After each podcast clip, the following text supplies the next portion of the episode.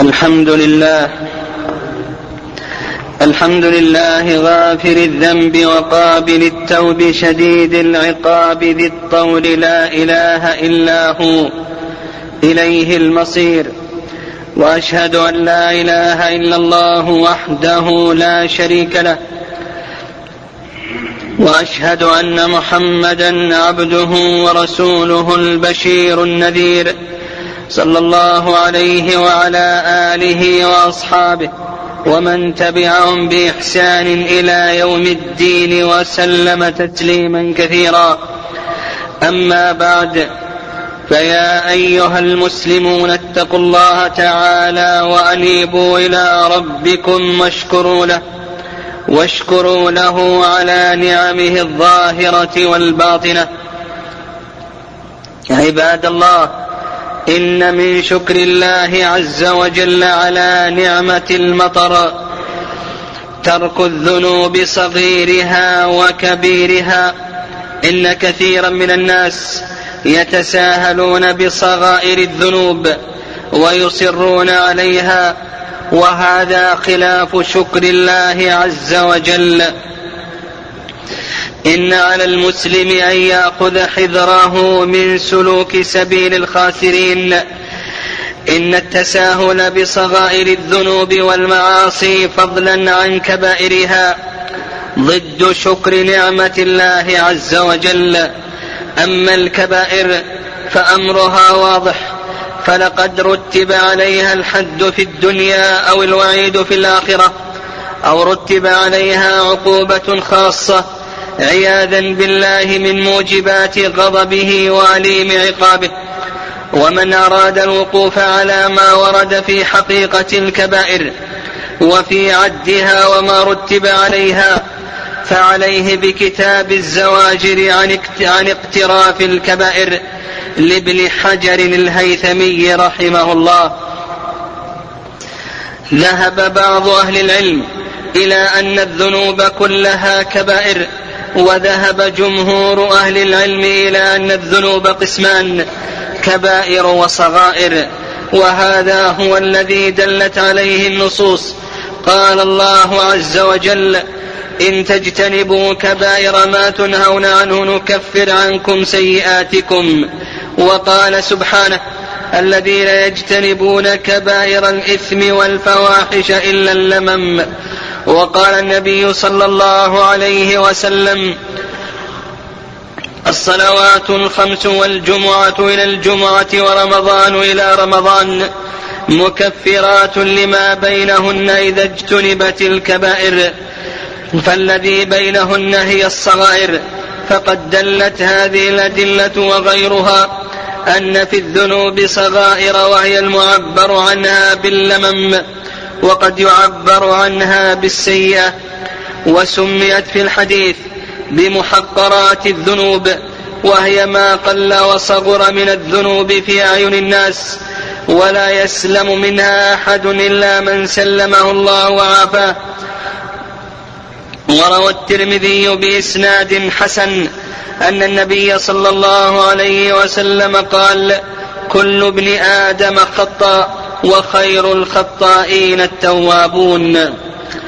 عباد الله من الصغائر التي يتساهل بها الناس النظر إلى النساء الأجنبيات والشباب المردان سواء عن طريق عن طريق مباشر كوجه لوجه أو من وراء أو من وراء شق أو عن طريق الصور الثابتة في المجلات ونحوها. أو الصور المتحركة في, في الأفلام والهواتف النقالة وأجهزة الاتصال الأخرى. ولقد أمر الله تعالى المؤمنين والمؤمنات بالغض من أبصارهم. ذلك أن النظر هو المدخل الأساسي الأساسي لتسرب الشهوة لتسر لتسرب الشهوة إلى النفس وطغيانها وإفساد القلب. فالغض من البصر يساعد على الحفة على الحفة وحفظ الفرج وهو شكر لله عز وجل على نعمه. قال الله عز وجل قل للمؤمنين يغضوا من أبصارهم ويحفظوا فروجهم. ذلك أزكى لهم إن الله خبير بما يصنعون. وقل للمؤمنات يغضضن من أبصارهن ويحفظن فروجهن. وسئل الإمام أحمد رحمه الله عن رجل ترك المعاصي وتاب منها وقال لو ضرب بالسياط ما دخل في معصية ما دخل في معصية أبدا غير أنه لا يدع النظر فقال أي توبة هذه؟ فالنظرة سبب للفتنة وإشغال القلب فاتق الله يا عبد الله. وراقب الله فإنه مطلع عليك. فإن لم تكن تراه فإنه يراك. قيل لبعض السلف بما يستعان على غض البصر؟ قال بعلمك أن نظر الله إليك أسبق من من نظرك إلى ما إلى من نظرت إليه. ولقد كان الربيع ولقد كان الربيع بن خيثم رحمه الله. من شدة غضه لبصره وإطراقه. يظن الناس أنه أعمى.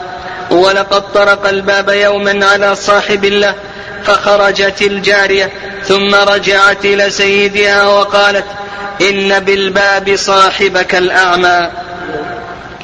ومر يوما على عصبة من النساء فقالت واحدة منهن انظرن إلى هذا الأعمى كفانا الله شر العمى.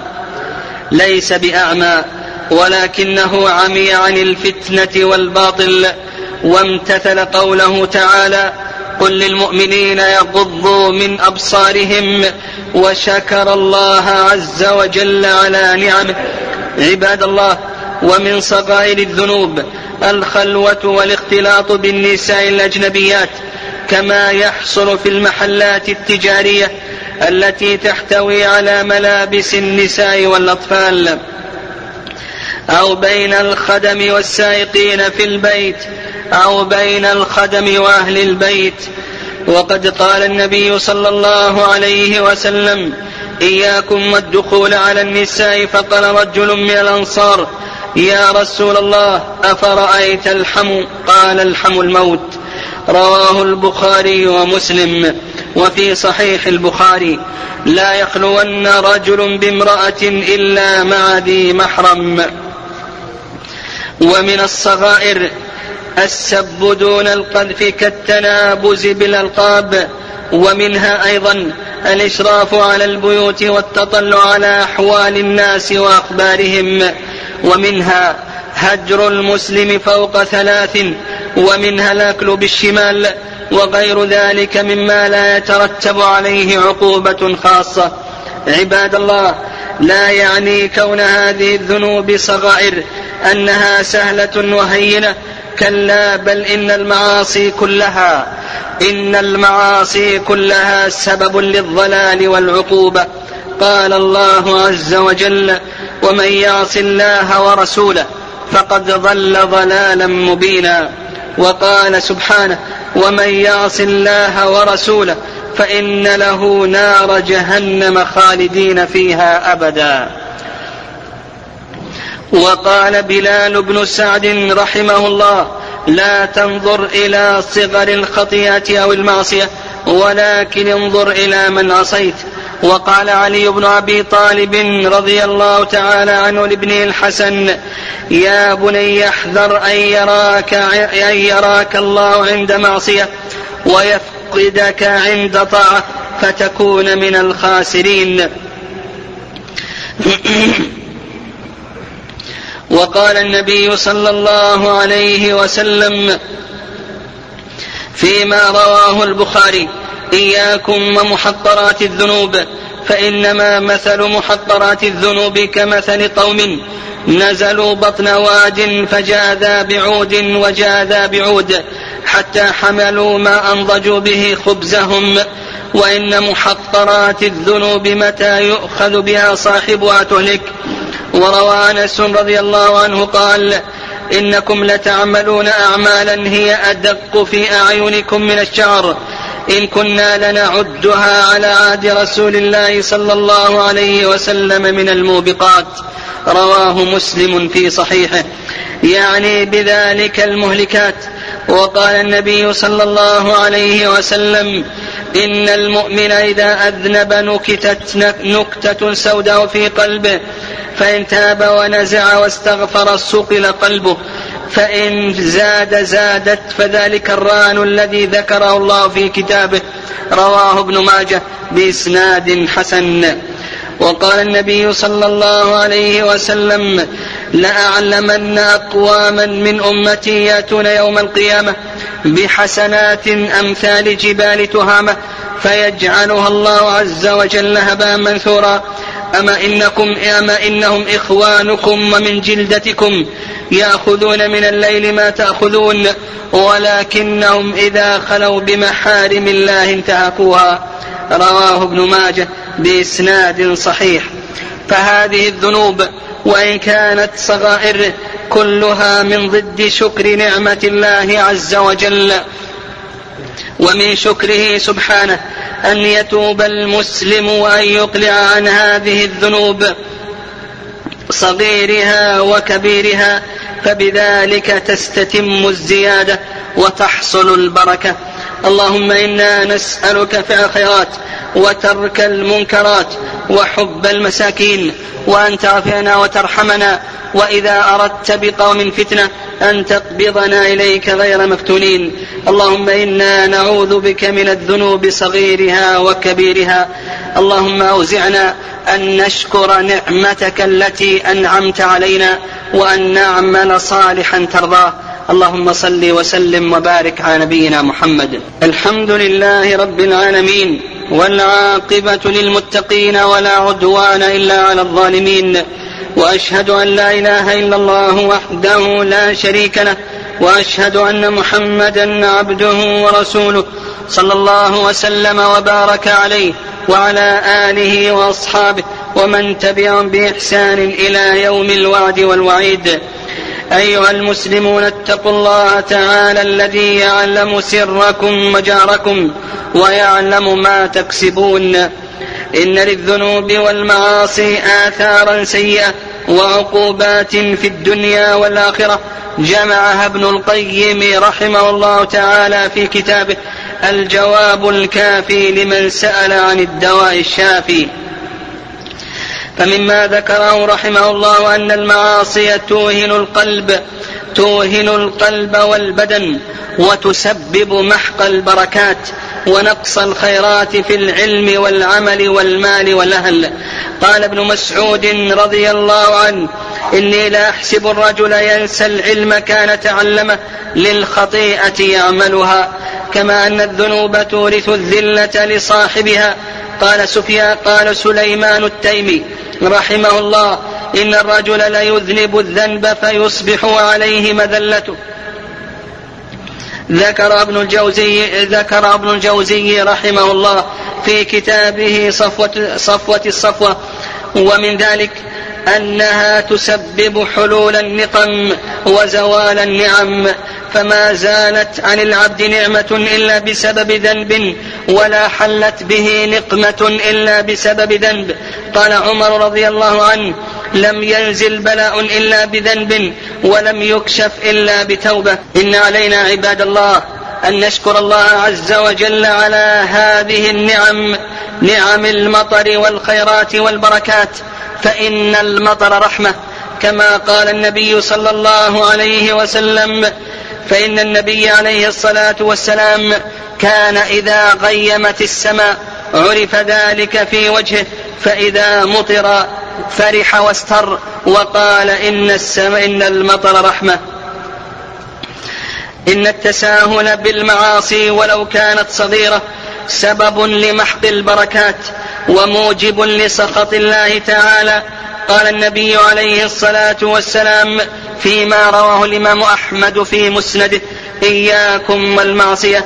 فإن بالمعصية حل سخط الله عز وجل.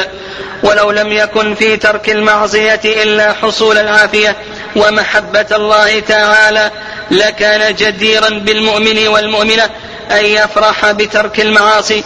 قال شفي بن ماتع قال شفي بن ماتع الأصبحي رحمه الله ترك الخطيئة أيسر من طلب التل من طلب التل التوبة. وقال محمد بن كعب رحمه الله تعالى ما عبد الله ما عبد الله بشيء أحب إليه من ترك المعاصي ويؤيده قوله صلى الله عليه وسلم إذا أمرتكم بشيء فأتوا منه ما استطعتم وإن نهيتكم عن شيء فاجتنبوه خرجاه في الصحيحين فأتى بالاستطاعة في جانب المأمور ولم يأت بها في جانب المنهيات إشارة إلى عظيم خطرها وقبيح وقعها. وأنه يجب على المسلم أن يتباعد عنها مطلقا بخلاف المأمور فإنه يفعله ما استطاع. ولنعلم أن أعظم زاجر عن الذنوب هو الخوف والخشية هو الخوف والخشية من علام الغيوب. سئل سعيد بن جبير رحمه الله عن الخشية فقال أن تخشى الله تعالى حتى تحول خشيته بينك وبين معاصيه وقال مكحول رحمه الله أرق الناس قلوبا أقلهم ذنوبا. عباد الله من رحمة الله بنا وفضله علينا. أن جعل أن جعل لتكفير السيئات ومغفرة الذنوب أسبابا. من ذلك اجتناب الكبائر مع فعل الطاعات كالصلوات وسائر الحسنات. قال النبي صلى الله عليه وسلم الصلوات الخمس والجمعة إلى الجمعة ورمضان إلى رمضان مكفرات لما بينهن إذا اجتنبت الكبائر. رواه مسلم. وفي سنن الترمذي بإسناد حسن من حديث معاذ وأتبع السيئة الحسنة تمحها وقال تعالى إن الحسنات يذهبن السيئات ومن المكفرات القرض والصدقات قال تعالى إن تقرضوا الله قرضا حسنا يضاعف لكم ويغفر لكم والله شكور حليم وقال تعالى إن تبدوا الصدقات فنعم ما هي وإن تخفوها وتؤتوها الفقراء فهو خير لكم ويكفر عنكم من سيئاتكم والله بما تعملون خبير. ومن أسباب المغفرة ومن أسباب المغفرة الاستغفار مع عدم الإصرار. قال الله عز وجل والذين إذا فعلوا فاحشة أو ظلموا أنفسهم ذكروا الله فاستغفروا لذنوبهم ومن يغفر الذنوب إلا الله ولم يصروا على ما فعلوا وهم يعلمون. إن علينا معاشر المسلمين أن نبادر إلى تنظيف قلوبنا بالشكر والتوبة والاستغفار. شكرا لله عز وجل على ما أنعم به علينا وأن نحفظ جوارحنا من أدران الذنوب والإصرار لنحظى بطعم الإيمان ولذة العبادة. والبركة فيما أصاب. اللهم طهر قلوبنا من النفاق وسائر الأمراض وطهر جوارحنا من الرياء وسائر المعاصي. اللهم طهر أعيننا من الخيانة فإنك تعلم خائنة الأعين وما تخفي الصدور. اللهم إنا نسألك خشيتك في الغيب والشهادة والعدل في الغضب والرضا. والقصد في الفقر والغنى. اللهم أعطنا من الخير فوق ما نرجو واصرف عنا من السوء فوق ما نحذر. يا لطيف يا خبير اللهم إنا نسألك حسن العمل وحسن الخاتمة. اللهم اجعلنا من الذين يجزون أجرهم بأحسن ما كانوا يعملون. اللهم إنا نسألك موجبات رحمتك وعزائم مغفرتك والغنيمة من كل بر والسلامة من كل إثم والفوز بالجنة والنجاة من النار. اللهم صل وسلم وبارك على نبينا محمد وارض اللهم عن صحابته أجمعين وأخص منهم الأئمة المهديين والخلفاء الراشدين أبا بكر وعمر وعثمان وعلي وعن بقية صحابة نبيك أجمعين وعن بقي وعن من تبعهم بإحسان إلى يوم الدين وسلم تسليما كثيرا. اللهم أعز الإسلام والمسلمين وأذل الشرك والمشركين. اللهم انصر من نصر الدين. اللهم فرج كرب المكروبين. ونفس عسرة المعسرين. واقض الدين عن المدينين. اللهم فك أسر المأسورين. اللهم ردهم إلى بلادهم وأهليهم سالمين غانمين. يا ذا الجلال والإكرام. اللهم آمنا في أوطاننا. اللهم آمنا في أوطاننا وأصلح أئمتنا وولاة أمورنا. اللهم اجعلهم محكمين لكتابك وسنة رسولك محمد صلى الله عليه وسلم. آمرين بالمعروف. ناهين عن المنكر يا ذا الجلال والإكرام. يا أرحم الراحمين. ربنا آتنا في الدنيا حسنة وفي الآخرة حسنة وقنا عذاب النار.